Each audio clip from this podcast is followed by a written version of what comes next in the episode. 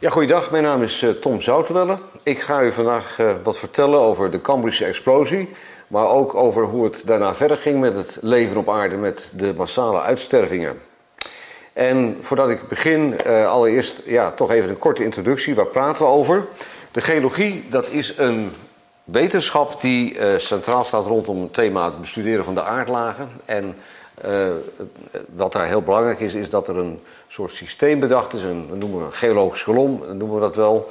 het systeem van alle aardlagen, dat is al vanaf de 19e eeuw is dat opgesteld door de geologen. En wereldwijd verschijnen er fossiele groepen van onder naar boven in een bepaalde volgorde in de aardlagen. Geologen hebben op basis van deze fossielinhoud uh, de aardlagen geclassificeerd en hierbij wordt de aanname gedaan dat identieke fossielen die op verschillende plaatsen gevonden worden, op hetzelfde tijdstip geleefd hebben. Dat is dus een aanname. Vrijwel alle fossielhoudende aardlagen worden gerekend tot het Phanerozoïcum. En dat is volgens de gangbare geologische tijdschaal, heeft dat zo'n 540 miljoen jaar eh, ehm, is, heeft dat geduurd.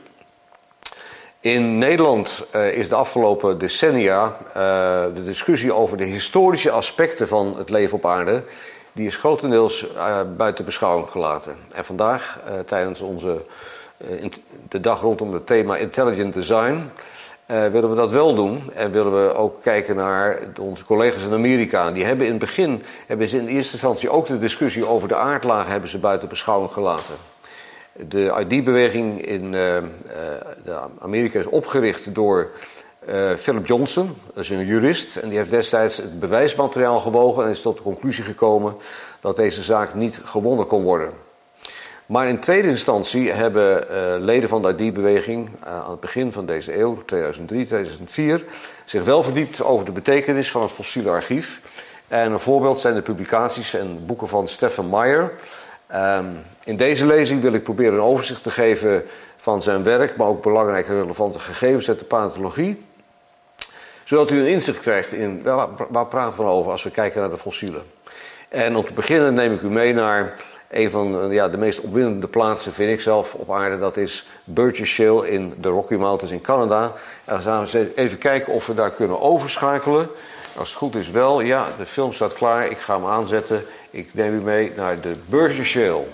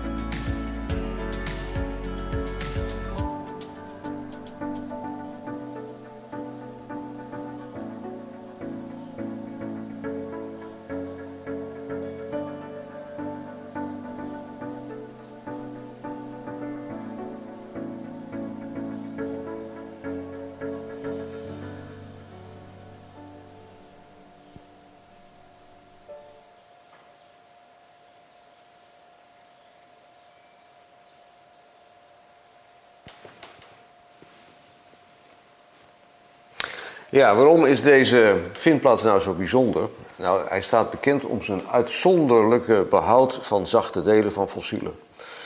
Um, en daarmee met deze, laten we zeggen, met een datering van zo'n 500 miljoen jaar, is het een van de vroegste uh, vindplaatsen, de vroegste fossielen met afdrukken van zachte delen. Nou, als we verder gaan nadenken over, dat Cambrische, over die Cambrische explosie, uh, dan zie je dus dat er een enorme explosie is van groepen, van, uh, van stammen. En uh, die vinden we op de grens van het Precambrium naar het Cambrium, zeg maar. Uh, de Burgess Shale is daar dus een voorbeeld van, maar er zijn meer vindplaatsen. De andere vindplaatsen zijn met name in China, de Chengyang-formatie.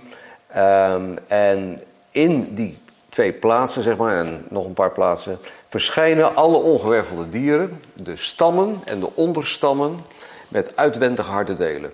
En een voorbeeld zijn bijvoorbeeld de weekdieren, dat noemen we in het wetenschappelijke taal de mollusca, de stekelhuidige, de Echido, Echinodermata, de geleedpotige, noemen we de arthropoda in het, uh, in het Latijn, de armpotige, de brachiopoden, dat zijn de brachiopoden. Er zijn ook stammen zonder harde delen aangetroffen, onder andere de Cnidaria, neteldieren zoals kwallen, Cetatophora, de ribkwallen en een aantal groepen van wormen. Een belangrijke stam die tijdens de Cambrische explosie verschijnt, uh, dat is de Chordata. En in de Burgess Shale is er ook een uh, Chordata gevonden. dat is Picaya, een cephalogordaat.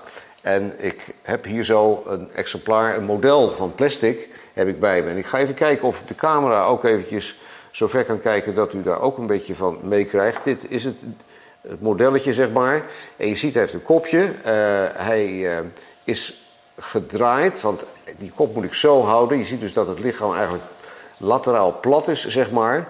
En dat wijst op een uh, levenswijze die vrij zwemmend is, waarschijnlijk niet al te gek ver boven de bodem. Er zijn zo'n 114 fossielen van deze Picaya bekend.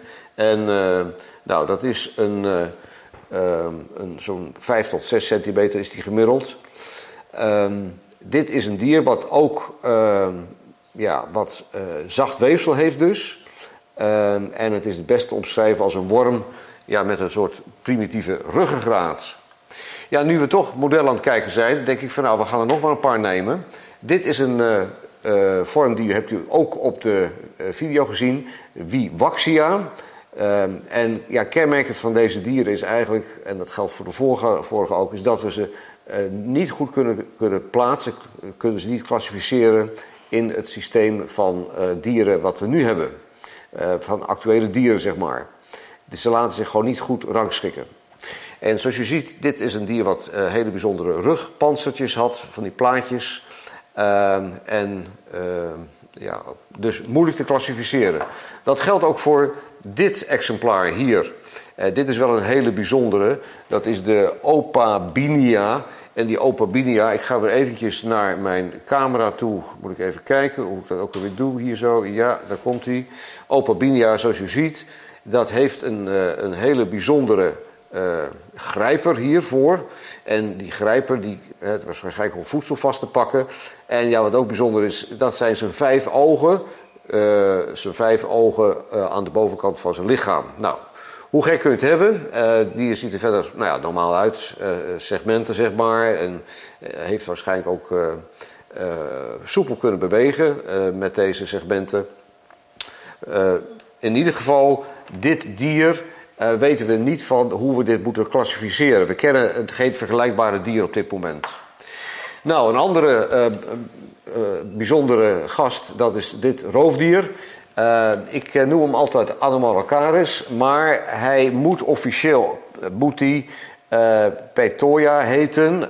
zijn andere naam was ook wel Lagania. Hoe komt het dat er daar zoveel verwarring over is? Nou, dat komt omdat uh, dit dier eerst in verschillende delen gevonden is, apart, zeg maar, stukken. En die hebben allemaal een naam gekregen. En pas later, toen die in één keer gevonden is, toen is het dier heeft zijn huidige naam gekregen, Petoia. Uh, dit is een roofdier geweest. En uh, die heeft onder meer ook uh, gepredateerd op een bekende gast. Dit is de trilobiet. Want die trilobiet die heeft vaak de littekens van bijten, van bijt, uh, en dat is waarschijnlijk afkomstig van deze Anomalocaris. Nou, dit, deze trilobiet die zal de komende minuten centraal staan in mijn lezing, omdat dit dier eigenlijk een heel bijzondere uh, dier is. Het is een intelligent dier, het is uitgestorven. het lijkt, ja, in de, verte, in de verte lijkt het een beetje op een degenkrab. Maar heeft toch zijn eigen unieke plek, zeg maar. Uh, dit, deze trilobiet is een, heeft de naam Oleonoides. Dat is vernoemd naar Olenus. Dat is in de Griekse mythologie is dat een man die samen met zijn vrouw in steen veranderde. Nou, hoe gezellig kan het worden, zou ik zeggen. Dus ja, het is altijd leuk om dit soort dingen gewoon even te weten. Wat, wel, wat ook belangrijk is van deze trilobiet, is dat hij eigenlijk alle kenmerken van het bouwplan van een trilobiet al heeft. Uh, hij heeft een uh, cephalon, een hoofdschild, een thorax, een pygidium, dat is het staartstuk. Zijn antennes waren lang naar achteren. Uh, hij heeft poten, zoals u ziet ook hieronder. We gaan er zo meteen ook nog even wat van zien. die hebben waarschijnlijk, kunnen we concluderen dat hij niet gezwommen heeft, niet actief, maar wat meer gelopen op de bodem. Dus het een, een, een bentosvorm. Kortom, een interessant dier wat eigenlijk helemaal uh, uh, past in het plaatje van de Shale. Goed, behalve deze dieren hier in, het, in de Shale zijn er elders natuurlijk ook vondsten gedaan, onder andere dus in China. En daar zijn ook vissen gevonden. Bijvoorbeeld uh, ichthys, een bekende uh, vondst is dat. Een kaakloze vis, een lamprei, is daar gevonden. En ja, bedenk wel mensen, dat is dus gevonden in het Cambrium. Hè. Dus, uh, dan praten we dus over een situatie waarbij eigenlijk er nog steeds... Ja, er is verder nog helemaal niets gebeurd. Plotseling is dat daar in, in al zijn hevigheid. Goed, ik ga nu na deze korte, laten we zeggen, dit uitstapje met onze modellen, ga ik toch eventjes nog even terug naar de, de, de problematiek van de Cambridge explosie. En ik ga even wat vertellen over hoeveelheden voor informatie. Het dierenrijk, dat delen we normaal op in stammen, worden ook wel phyla genoemd. En dat is een abstract systeem, dat maken wij, wij mensen, een abstract klassificatiesysteem, waarin elke stam een uniek bouwplan heeft. We hebben dat net gezien bij de trilobiet, het bouwplan, eh, een schil bijvoorbeeld, eh, een aantal kenmerken. Dat is karakteristiek voor de hele groep van trilobieten. Um, een kwantitatieve analyse van fossiele gegevens leert dat het voor de geschiedenis van uh, het leven op aarde gaat om een gebeurtenis van ongekende omvang. We praten over 34 van de 40 stammen die uh, verschijnen, dat is zo'n 85%, die verschijnen in die, tijdens die Cambrische explosie. En terwijl er een paar drie stammen voor die tijd in uh, pre-Cambrium en drie stammen na die tijd in het Cambrium verschijnen. Um, Zo'n bouwplan, hè, dus als je dat ziet, al die informatie, dat hangt heel nauw samen met het hebben van bepaalde celtypen. Uh, heb je niet de juiste cellen, dan kun je ook geen weefsels maken. En dan kun je dus ook niet een, uh, een, een, een ingewikkelder dier laten ontstaan. En als we dus de fossielen uit het Precambrium en het Cambrium vergelijken. Dan, kan, dan kun je volgend boodschappenlijstje kun je zetten. Dat is een soort boodschappenlijstje. Wat hebben we nodig? Voor een protist, dat is een eencellige, dat is één celtype, makkelijk zat. Dan een spons. Daar hebben we vijf celtypen voor nodig. En in het Cambrium worden ook neteldieren gevonden, cyanomonen. En daar heb je 10 celtypen voor nodig. Platwormen, daar heb je 20 celtypen voor nodig. Stekelhuidigen, 40 celtypen. En geleedpotigen, 50 celtypen. En dan de Gordata, Gordata uh, dat is zo'n 60 celtypen. Ja, Misschien zegt u nu helemaal niks, een celtype, wat is dat precies? Ja, dat is, in principe is dat informatie. Voor een celtype heb je informatie nodig. Je kan net zoiets vergelijken met, ja, in, een, in de winkel heb je geld nodig. Uh, als je dus dit soort dingen ziet, dan weet je, hier is informatie. Voor ieder type cel is bepaalde informatie nodig. En biologen hebben berekend dat ja, bijvoorbeeld voor een simpele worm is die informatie wel zo'n 100 miljoen bazenparen. Dat zijn stukjes tekst, zeg maar, letters, zeg maar, die we nodig hebben. En dat staat gelijk aan zo'n 30 megabyte. Um, Dus tijdens die Cambridge explosie moet er dus een enorme toename zijn geweest aan biologische informatie. En de vraag is natuurlijk, waar komt al die informatie vandaan? Dat is de grote vraag. Ik uh, ga nu even terug naar de trilobiet en ik ga eens even kijken of ik mijn PowerPoint-presentatie kan gaan opstarten. Want die staat ook al een tijdje te wachten. We eens even kijken hier. En ik ga over naar. Ja, als goed is, hebben we nu alles compleet. Nou, hier hebben we weer een trilobiet. En hier ziet u uh, een mooie tekening van zo'n ruggenschild. Uh, de naam trilobiet, uh, dat heeft, die naam heeft hij te danken aan die driedelige opbouw. Zeg maar, die, in dit geval de linkerkant, zeg maar, dus de, de opdeling in drie delen. Maar ik heb net ook laten zien dat het schild op een andere manier bekeken kan worden in drie delen. Namelijk het de kopschild, de thorax en het de staartstuk, het pygidium. Als je dat meer in detail gaat bekijken, dan kom je uit bij dit plaatje. En daar zie je heel mooi uh, de namen erbij: het cephalon, de thorax en het pygidium. Wat ook belangrijk is om te vermelden, is dat deze dieren hadden scheurnaden. Dat wil zeggen dat tijdens de groei was het nodig dat deze dieren dus een, een ja, zich van hun exoskelet konden bevrijden. Want dat exoskelet was enerzijds de stevigheid, maar het was anderzijds ook uh, het belemmerde natuurlijk op het moment dat zo'n dier aan het groeien was. Dus die scheurnaden zijn heel belangrijk voor het, uh, uh, de groei van, van zo'n zo'n dier. En dat verschilde ook weer van, groei tot, van groep tot groep trilobieten. Oké, ik ga door naar het volgende plaatje. En daar zie je dat dus zo'n fossiel bestaat uit een heel veel onderdelen. Intern ook. En ja, misschien moet ik dan toch nog eventjes teruggaan naar eerst nog even een fossiel, een echt fossiel. We hebben net eerst dat model gehad, dit. Maar ja, wat ik u eigenlijk natuurlijk had moeten laten zien, dat was dit ding. En ik ga dit nu toch eventjes nog in de uh, kleine camera laten zien. Dat is een trilobiet, dit, uh, noemen we de, dit is de vacops. En wat opvalt, we zien hier heel mooi de kopschild, thorax, de staart. Maar wat ook heel bijzonder is, is dat je kunt zien dat dit dier uh, uh, ogen heeft. En die ogen die waren heel bijzonder. Die kennen we, die ogen. Dat zijn facetogen die we ook bij de geleedpotigen tegenkomen. Um, ja, en behalve de buitenkant, zeg maar, dus de buitenkant van het fossiel, weten we dus nog veel meer van dit fossiel. En dat hebben we net aan de onderkant ook gezien. Dit plaatje hier, zo, dit model geeft dus heel duidelijk aan dat er ook informatie is over ledematen, allemaal pootjes, over uh, de buikdeel, over het bondstuk. Kortom, we weten heel veel meer. En hoe komt dat nou? Nou, dat heeft alles te maken met een, uh, het onderzoek wat pathologen doen aan deze dieren. Je ziet een aantal dwarsdoorsneden.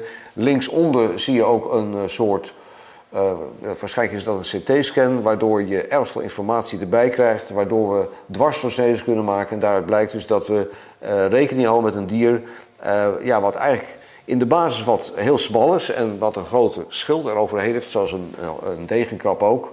daar loopt een, een spijsverteringskanaal doorheen, daar is een sprake van een hart. Daar zijn kieuwen, daar zijn poten met borsteltjes eraan. Dus kortom, dit zijn heel ontwikkelde dieren geweest. Ik ga door naar de volgende. Want uh, ja, het meest fascinerende van deze dieren vind ik zelf persoonlijk zijn de ogen. En uh, je ziet op dit plaatje een lens. En die lens rechts die is, ehm, geeft aan uh, het probleem wat we hebben als wij mensen lenzen maken. Dan hebben we het probleem dat die brandpuntafstand die is heel vaak niet gelijk op het moment dat je licht hebt wat uit verschillende hoeken valt. Dus er is een sprake van een ongelijk brandpuntsafstand, noemen we dat dan. Uh, misschien, ja, nog even voor de goede orde. Wat is nou eigenlijk, hoe ziet zo'n facetoog eruit van zo'n trilobiet? Dit is het plaatje ervan, de foto. Hier zie je een dwarsdoorsnede. En dus bij uh, zo'n facetoog uh, wil zeggen dat er dus allemaal facetjes zijn, aparte oogjes. Uh, met ieder een lensje erop. En dat lensje dat laat het licht door. Dat lensje bestaat uit calciet. Dat is een heel bijzondere zuivere vorm van calciet. Wat ja, vind ik al heel opvallend is dat, het, dat deze stof gebruikt wordt en dat dat werkt. En die uh, laat licht door. En hier vinden de zintuigen, die zijn, er zijn, zijn gelokaliseerd, die vervolgens dan de signalen afvoeren naar de hersenen. Ehm, het beeld wat deze dieren gehad moeten hebben, dat is waarschijnlijk voor een heel groot deel ook, ehm, ja, dat is rondom zeg maar 360 graden. Die hebben een heel goed blikveld gehad.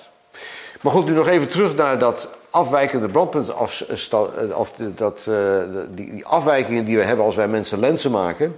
Het bijzondere is dat de trilobiet had daar geen last van. Want wat blijkt nou, is dat uh, hij, die trilobiet een hele mooie vorm van lens had, waardoor er geen sprake was van, zoals we dat mooi noemen, mooi noemen, een sferische aberratie. Dat wil zeggen dus dat die afwijking ten alle tijden daar uh, was sprake van een scherp beeld bij de verschillende typen van uh, trilobieten. Oké, um, dan, ja, dan even nog ter afsluiting van uh, trilobieten. Er waren ook trilobieten die geen ogen hadden. En dat heeft waarschijnlijk ook te maken verlies met ogen als er geen licht is. Dus als dieren op de zeebodem geleefd hebben. Um, en deze dieren hebben ook sociaal gedrag vertoond. En dat wou ik u toch niet onthouden, dat plaatje. Uh, wat ik onlangs tegenkwam, waarbij uh, trilobieten in een soort rij, zeg maar, uh, opgesteld. Even kijken, waar kom ik hier zo uit? Ja, kom ik hier uit? een soort ja, rij maken ze. Houden zich aan elkaar vast. Met die, die grote stekels, die kopstekels, kunnen ze aan elkaar haken. En hebben ze waarschijnlijk zo op deze manier hebben ze zich mee laten voeren met het water. Uh, ja, een hele bijzondere opname. Goed, dan ga ik nog even terug naar het verhaal van de uh, fossielen. Zonder de Cambridge explosie. Het verhaal dat er zonder voorlopers sprake is geweest van deze biologische explosie. Uh, dat is een gegeven, dat is een, een probleem. En je ziet dus, hier is een voorbeeld van hoe ze dat met trilobieten denken op te lossen. Er is een vage voorloper van het trilobiet uh, in een, uh, een, afzetting die, we, uh, die in het Precambrium voorkomt. Maar op dit moment moeten we eigenlijk gewoon vaststellen dat al deze tussenvormen die hier zo getoond worden, dat die niet voorkomen. Dat de, de voorlopers van de, van de Cambrische explosie op dit moment niet beschikbaar zijn in het fossiele archief. Nou, dat gezegd hebben, maak ik, wil ik een stapje maken naar een volgend onderwerp. En dat doen we eigenlijk ook weer aan de hand van de tulipieten. Want deze dieren hebben geleefd in het Paleozoïcum, dus tijdens de afzetting van het Paleozoïcum. En uh, wat we dan zien is dat uh, er een, uh, een afname is in de loop van de tijd. En die afname gaat schoksgewijs. En dat wil ik u laten zien aan de hand van dit uh, plaatje wat ik hier heb. Dit is het plaatje van de afname. En dit zijn twee momenten eigenlijk die we hier hebben. Dat is allereerst de crisis in het Devon. Uh, en ik ga u zo meteen uitleggen wat dat allemaal inhoudt. Dus we hebben twee momenten waarop eigenlijk de, de, de, de trilobieten eigenlijk uh, uh, enorm sterk afnemen. Trilobieten in het Devon. En aan het einde van het Perm hebben we ook een enorme drama, want daar stopt zeg maar alles. We hadden na het Devon gingen we van 15 naar zo'n vijf families toe. En uiteindelijk de laatste vier die uh, gaan in de loop van het carboon, perm, perm de laatste twee, die houden daar op te bestaan. En dat is het einde van deze fantastische dieren. En ja, dat, dat, is toch even heel bijzonder. Deze dieren die zoveel bijzondere kenmerken hebben en waar we eigenlijk die we zo graag ook hadden willen zien leven. Ze leven niet meer. Kortom, wat is er gebeurd? En dat brengt mij bij het volgende onderdeel van deze lezing, dat is namelijk het massale uitsterven. En als je goed kijkt naar de biologische informatie die we hebben, dan komen we tot de conclusie: er is heel veel informatie ingestopt. Kijken we naar het vervolg, dan zie je eigenlijk dat uh, aardlagen, zoals de Grand Canyon, je eigenlijk het beste kan beschouwen als een soort van een kerkhof. Want de ene naar de andere groep verschijnt ja, er ontstaan groepen, maar er verschijnen er ook erg veel uh, families verdwijnen ook weer. Een kerkhof is een passend beeld. En uh, om nou even bij het, het, de totale discussie te blijven, bij het, het, totale plaatje. Als je gaat kijken van wat, uh, ja, hoe, hoe kijken zeg maar wetenschappers over het algemeen naar fossielen, naar de opeenvolging van fossielen, dan is er natuurlijk in het licht van de evolutie is er heel lang ook gedacht dat groepen dat, dat, competitie, dat die competitie leverden met elkaar. Want dat was eigenlijk gewoon de kern van de evolutietheorie. Je hebt de survival of the fittest.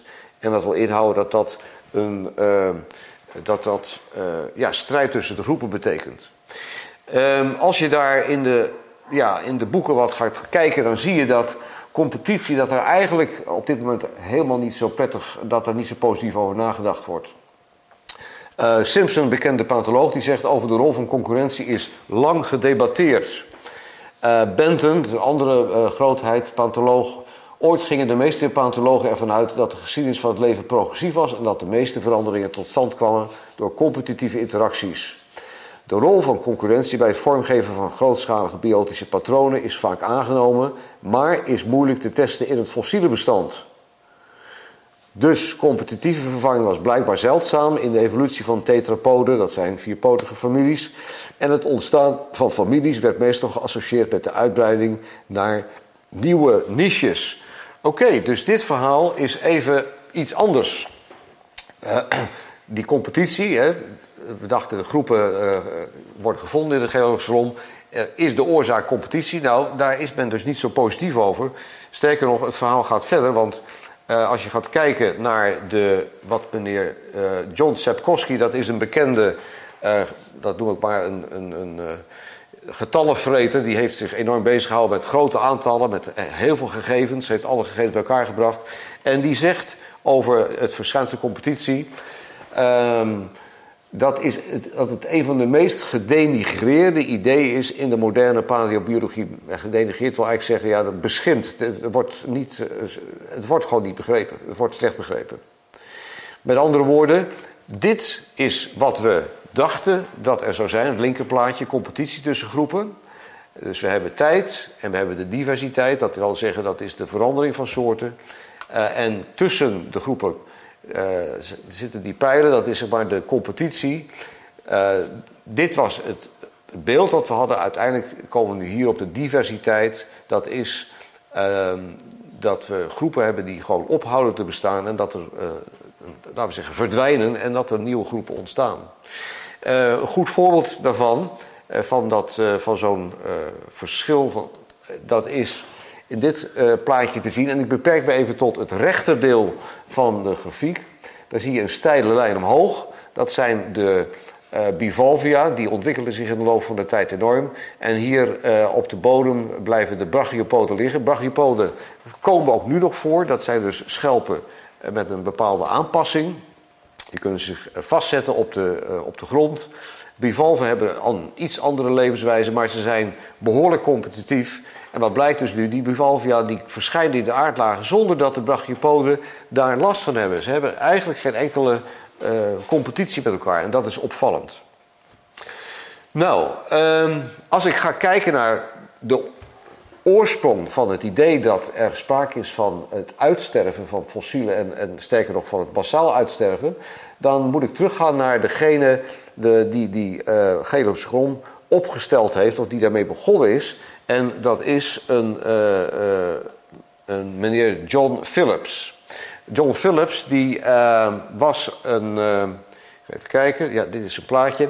John Phillips was een, geoloog. En die heeft als eerste, zonder dat hij al die kennis had die wij nu hebben, heeft hij de vormen ontdekt die wij nog steeds hebben in de geologische kolom. Het Paleozoïcum, het Mesozoïcum en het Kerozoïcum. Dus wat je hier ziet, dat blauw, dat groen en dat bruin, dat zijn de grote eenheden. En daartussen heeft dus, sprake van een enorm verval, van de, van de overgang van de ene naar de andere periode, een enorm verval van organismen. Nou, inmiddels weten we daar veel meer van. Dus uh, wat John Phillips heel goed gezien heeft, dat is nu uh, gangbare kennis in de geologie. En dit plaatje wat ik jullie toon, dat geeft dat heel duidelijk aan. Ik heb nu de geologische vorm heb ik niet verticaal, maar heb ik horizontaal staan. Dus dit is het Cambrium, Ordovicium, Silur, Devon, Carbon, Perm, Trias, Jura, Krijt, Tertiair. En dan hierboven heb ik de, het, de nummer, het aantal van marine families. Uh, je moet je voorstellen, dieren in de zee die laten zich het makkelijkste tellen. Hè, dus daar heb je ook het meeste van. En vandaar dat dat natuurlijk het meest betrouwbaar is. En wat we zien, we kunnen weer terugzien in die grafiek de uh, vorm die John Phillips ook gezien heeft. Het Paleozoicum. En dan uh, hebben we een terugval, enorme terugval. Dan het Mesozoicum. Dan val je ook weer ietsje terug. En dan vervolgens het, uh, het. Echter, er staan nog wat cijfertjes bij. En die cijfertjes die, uh, zijn ook van belang. Die cijfertjes geven dus aan dat er meer aan de hand is. Er zijn nog meer uh, massa-extincties geweest. Er zijn nog meer. En een massa-extinctie dat vertaalt zich dus in een, het ineenzakken van de diversiteit. Dus je ziet dat op een aantal plaatsen zijn er momenten geweest waarop de, de diversiteit dramatisch afgenomen is. En ik wil in het kort, wil ik daar met jullie bij stilstaan. Wat houdt dat precies in? Nou, allereerst moet je een vraag stellen, namelijk... wat is nou eigenlijk een massale uitsterving? Dat heet dan in het jargon een massa-extinction, een mass extinction. Nou, dat is dus een, uh, een gebeurtenis waarbij relatief plotseling en een, een kortstondige gebeurtenis... dat is eigenlijk de twee kenmerken. Het is plotseling en het duurt niet zo lang. En de omvang daarvan moeten we zeggen dat een massale uitsterving die wordt gekenmerkt door een aanzienlijke toename van uitstervingssnelheden boven de normale achtergrondniveaus. En dat is wel belangrijk, omdat je dat, je hebt door de hele genocide heen heb je dat er groepen uitvallen, maar het moet belangrijk groter zijn. En dat kan in termen van taxa zijn of van totale biologische diversiteit. Uh, en uh, de breedte, moet een grote verscheidenheid aan organismen betreffen. Nou, um, dit plaatje geeft heel aardig aan. Dus dat er sprake is van een hogere massasterfte dan normaal. De rode lijn dat is de extinctie. En je ziet de blauwe lijn, dat is de, dat is de lijn van de totale diversiteit. Je ziet dus dat die pieken die er zijn, en eh, dat is bijvoorbeeld in het Ordovicium silur, Perm-Trias-grens, uh, het Krijtatje-grens, die zijn aanzienlijk. Dit uh, plaatje laat het ook nog zien. Dus ook een plaatje om even aan te geven dat dit is de, de, die gele lijn, dat is de achtergrondruis, de, de, wat normaal de vervangingstijd van, van families is en, en, en, en soorten. En hier zie je dat uh, hier enorme pieken zijn. En hier is dus iets bijzonders aan de hand: massa-extincties. Oké, ik wil ze kort even doornemen uh, met u. En ik, uh, ik doe dat aan de hand van een aantal overzichten, zeg maar. En leest u gewoon even mee. Ik noem ze even kort op, de hoogtepunten. En dan, dan wil ik samen met u een conclusie gaan trekken. Nou, Ordovicium silure extinctie. 85% van alle soorten die uh, sterft eruit. Het is de tweede plaats in termen van heftigheid. Belangrijke slachtoffers, Brachiopoda, uh, Conodonta, Acritarge, Bryozoa, Trilobieten. maar de ecosystemen die herstelden zich snel in het siluur. Wat zouden oorzaken geweest kunnen zijn? Nou, men denkt aan een zeespiegelstijging, eh, daling, sorry. Uh, tweede orde, dat zeggen niet zo sterk. Uh, de start van een ijstijd, belangrijk. Dus iets met temperatuur. En mogelijk ook weer een zeespiegelstijging. Nou, dat wordt uh, verwarrend. De Devon. Devon, 70 tot 80 procent van alle diersoorten, 20 procent van alle families. Ja, dat is ook vaak lastig. Ik heb het even heel gecondenseerd bij elkaar gezet. Maar bedenk goed bij alles wat je doet, is dat je eigenlijk gewoon wil kijken.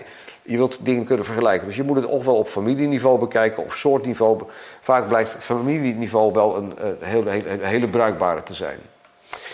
In het geval van de Devon uh, nemen we afscheid van de goniatieten. Dat zijn een soort ammonietachtige geweest. Bepaalde soorten koralen, brachiopoden verdwijnen, conodonten en ook weer trilobieten. Er is niet echt een oorzaak bekend bij de Devon, maar we denken misschien aan lage zuurstofcondities. Er zijn zwarte schalies gevonden, wereldwijd hogere temperaturen, waardoor de oceanen misschien minder goed gemixt werden. Maar er was ook weer een. Het kan ook zijn dat er heel snel of een opwarming of een afkoeling is geweest. Meteorietinslagen wordt ook niet uitgesloten. Uh, intreden van planten ook niet onbelangrijk. Dat uh, is ook iets wat uh, in het Devon gebeurt. Er is dus uh, heel wat, uh, er zijn heel wat opties, maar er is ook wel verwarring van wat is het nou eigenlijk. En dat zien we ook bij de volgende, de permextinctie. 95% van alle marine soorten, 70% van de op land levende soorten. Uh, slachtoffers, trilobieten, definitief, dat is de nekslag. Rugose en tabulate koralen, dat zijn soorten koralen. De stekelhuidige, de Echinodermata, daar vallen ook groepen van weg. Aquatische vertebraten, bekende, dat zijn vissen en uh, Placodermii, de panzervissen, die verdwijnen ook.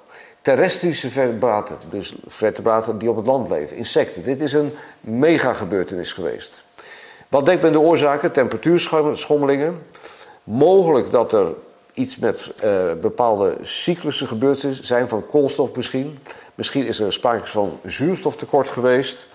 Uh, mogelijk ook hebben basaltuitstromingen een rol gespeeld. Basaltuitstromingen, dat zijn enorme plateaus die we vinden op aarde. En die zijn op een aantal punten in de aardgeschiedenis zijn die, uh, hebben die plaatsgevonden. Oké, dan de boven-trias-extinctie. Dat is een extinctie waarbij alle marine en terrestrische soorten verdwijnen. Uh, 76%, 20% van alle taxonomische families. Slachtoffers zijn de ammonieten en de conodonta en veel families van brachiopoden. Oorzaak, klimaatverandering wederom, zeespiegelstijging door uitstoot van CO2, misschien vulkanisme, we weten het niet zeker. En tenslotte de bekendste, de Cretaceae-extinctie.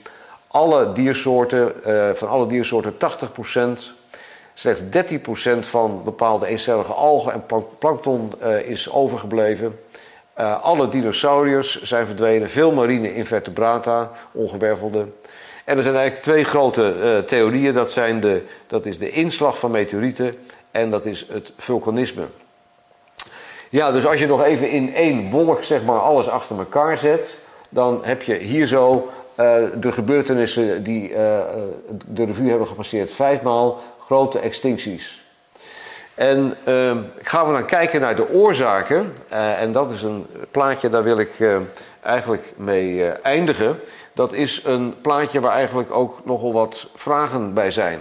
Want als ik ga kijken naar de verschillende oorzaken, dan zie je dus bij de klimaat, zien we een aantal malen, ja, er is een afkoeling of een opwarming of een opwarming of een afkoeling. Anoxie wil zeggen zuurstoftekort. En drie, driemaal is daar sprake van. En dat zijn gesteentes die zijn afgezet onder zuurstofarme condities. En het vulkanisme, uh, dat speelt zeker een belangrijke rol. Uh, mogelijk in het geval van Ordovicium en Devon. En uh, waarschijnlijk in het geval van Perm-Trias en Boven-Trias en Cretaceae. En bij vulkanisme moet je dan met name denken aan ja, eh, het, het, feit dat je een enorme toevoer krijgt aan stoffen die normaal niet in de atmosfeer zijn, waardoor de atmosfeer verandert.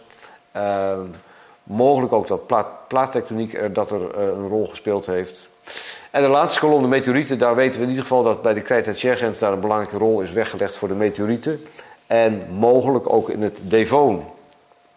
Ja, eigenlijk, en ik geef dit college wat ik doe ook gewoon op een reguliere school of op een college, een, universiteit. Uh, dit zijn gegevens die allemaal normaal bekend zijn in de geologie.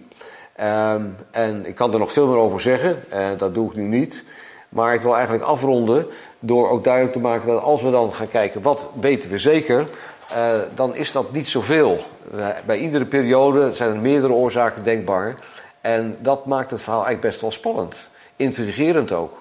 Intrigerend omdat we op dit moment natuurlijk eigenlijk wel in wat genoemd wordt de zesde massa-extinctie zitten. Dat is de extinctie die we mogelijk zelf veroorzaken, omdat we uh, bezig zijn de natuur uh, te gronden te richten. En dat is ook een gebeurtenis die het vermelden waard is.